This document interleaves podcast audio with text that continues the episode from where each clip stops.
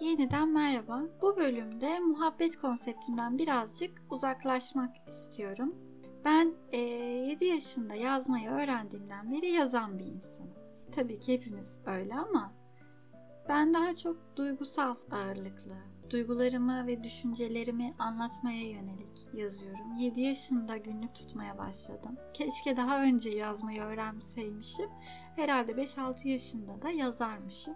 Annem gurbete giden bir gelindi ve ben anne tarafıma hep uzak büyüdüm. Çocukluğum o şekilde geçti daha doğrusu. Ve sürekli e, mektup yazardım. Yazmayı öğrendiğimde teyzemlere, dayımlara mektup yazmaya başladım.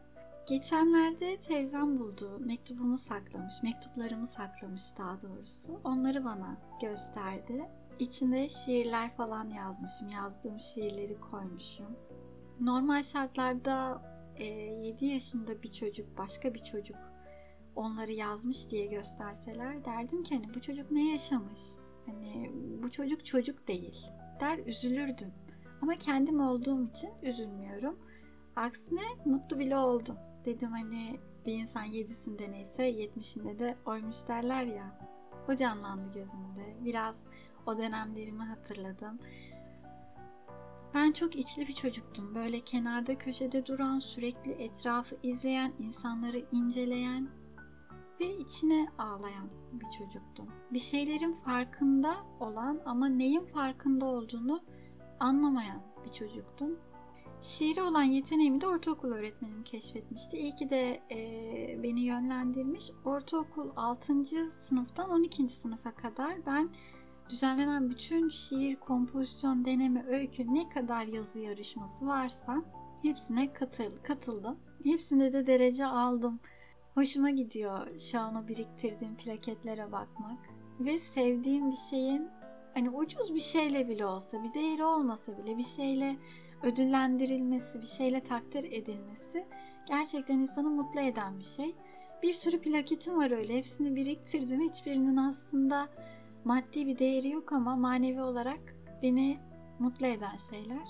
Ve ben e, yine yazmayı öğrendiğimden beri günlük yazarım. O günlüklerde de genelde o günün bana hissettirdiği duyguları, hani olayları değil de o olayların bana hissettirdiği şeyleri yazardım. Ve bu lise dönemine kadar devam etti. Lise sona kadar falan devam etti. Üniversiteden sonra günlük yazmayı bıraktım. Çünkü ben günlüklerimin okunacağı korkusunu çok taşırdım. İçinde bir şey olduğundan değil ya da okunursa başıma bir şey geleceğinden değil de gizli kalmayı severdim. Ve annem de biraz meraklıydı. Sürekli okumak isterdi. Bu yüzden bütün yazılarımı, günlüklerimi hiç biriktirmezdim. Böyle biraz artınca, fazlalaşınca bulunacak korkusuyla ya yakardım ya çöpe atardım ya yırtardım. Hani yazdıklarımdan kurtulmaya çalışırdım çünkü birisi beni tanıyacak, birisi benim içimdekileri görecek diye korkardım. Mesela şu an bu podcast kanalım bile gizlidir benim. Öyle tanıdıklı, çok tanıdığım insana söylemedim, bilmiyorlar. Ya da mesela podcast yaptığımı bilirler ama kanalımın adını bilmezler. Çünkü beni dinlemesinler, ne düşündüğümü bilmesinler isterim. Bunun nedenini de şu an e, tam açıklayamıyorum çünkü ben de tam çözemedim. Ama gizli kalma, anonim kalma beni güvende hissettiriyor. Daha özgür hissettiriyor diyeyim. Açığa çıkmam demek benim bir kalıba yerleşmem demek olacak. Bu yüzden o kalıba girmemek için, daha özgür olabilmek için, daha güvenli hissedebilmek için de bir şekilde bulunduğum her ortamda anonim kalmaya, fark edilmemeye çalışırım ki kendimi daha fazla gizlemeye ya da farklı biriymiş gibi göstermeme gerek kalmasın. Son birkaç yıldır yazılarımı atmamaya çalışıyorum. Çünkü pişmanım. Keşke atıp savmasaydım da o yazılar şu an elimde olsaydı. Ben geriye dönüp baktığımda hangi duygulardan, hangi aşamalardan nasıl geçtiğimi daha iyi anlasaydım. O zaman başlayayım. Sessizce yok olup gidiyorum.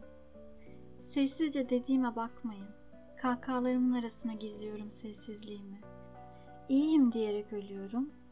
İyi olduğuma inandırarak tutuyorum nefesimi. Gökkuşağı çıkarıyorum gözlerime bulutlar çöktüğünde. Güneş açtı diyorum. Geçti. Anlatmayı bıraktım. Yandıklarımı, yangınlarımı.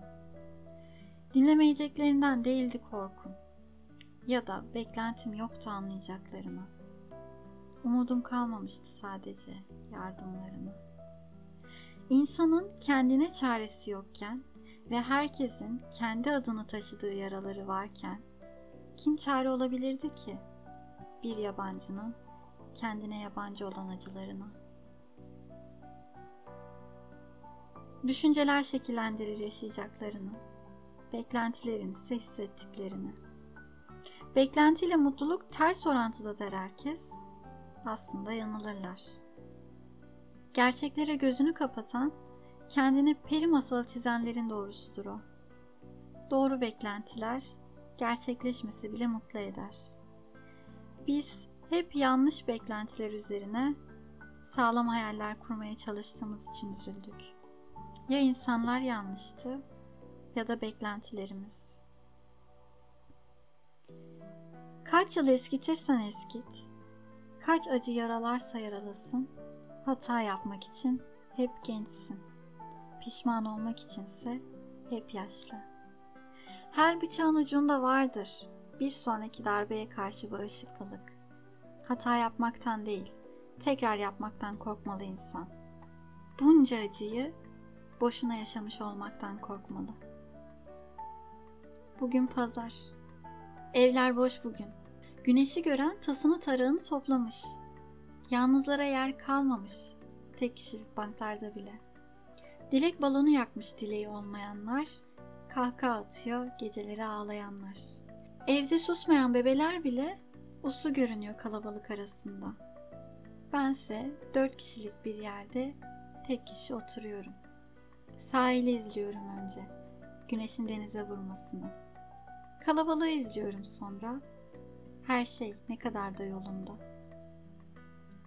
İnsanlara bakıyorum. Yakalayabildiğimi inceliyorum. Bir delikanlı çekiyor dikkatimi. Ağır adımlarla ilerliyor. Demek ki kaçmıyor hiçbir şeyden. Sorunları olmadığından değil ama kabullendiğinden. Bir amca oturmuş köşeye, gelen geçene bakıyor ağırlaşan gözleriyle. İzlediğini sanmıyorum. Bakıyor lakin görmüyor. Yaşaran gözleri esnemekten değil ama esniyor gizlemek için. Kim bilir kaç keşkesi var. Saysa sayamaz. Sorsam kim bilir kaç öğüdü vardır geçmişteki kendine. İnsanları izlemek yoruyor beni. Gözümü çocuklara çeviriyorum. Mutluluğun rolünü yapmak zorunda olmayan çocuklara. Bütün düşünceleri ana odaklı. Anı yaşayabilen mutlu varlıklar. Büyüyeceklerini düşünmek ağırlık yaratıyor üstümde. Haberleri yok uykusuz gecelerden. Kalplerinin kırılacağından haberleri yok. Önümde bir kahve, elimde bir sigara. Kendini düşünmemek için başkalarını izleyen ben. Hatırlıyor muyum mutluluklarımı? Kalbimin kırık olmadığı zamanlardan ne var hatırımda?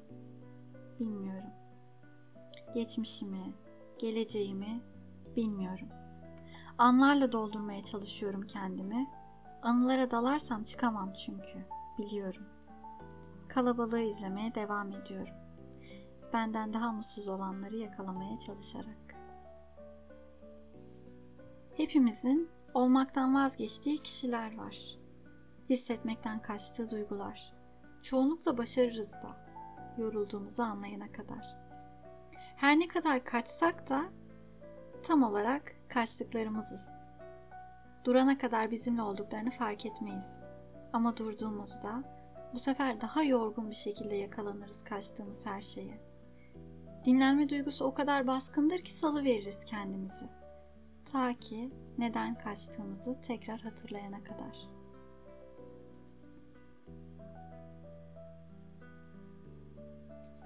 Sevmeyi bilmiyoruz.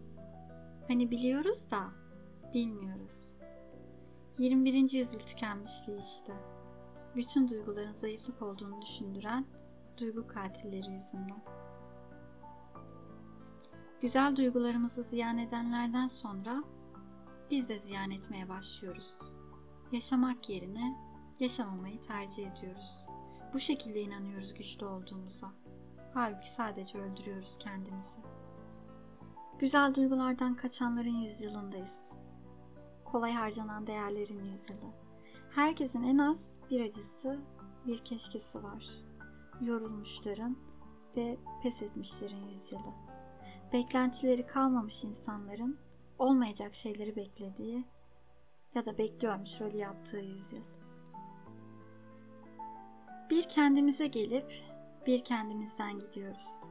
Gidecek yeri olmayan kendine geliyor. Oysa hepimiz kendimizden gitme isteğindeyiz. Gidecek yer bulduğunda kendinde kalanı görmedim ben. Oysa hepimiz kendimizden gitme isteğindeyiz. Bizi bizden almıyorlardı. Bizim bizde kalasımız yoktu. Kendimizle kavgamız olduğundan değil ama. Barışımızı yaymaya çalışmamızdandı belki de. Yazacak bir şey kalmayan, yazacak şeyler yaşamaya çalışırmış. En çok da bu zamanlarda hata yaparmış. Acıyı sevmek de buradan çıkmıştır zaten. Acıyı seversin çünkü daha çok sevdiğin bir şeye vesile olmuştur.